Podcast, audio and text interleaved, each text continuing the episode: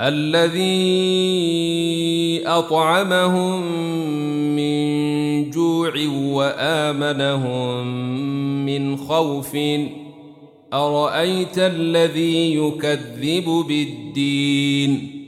فذلك الذي يدع اليتيم ولا يحض على طعام المسكين.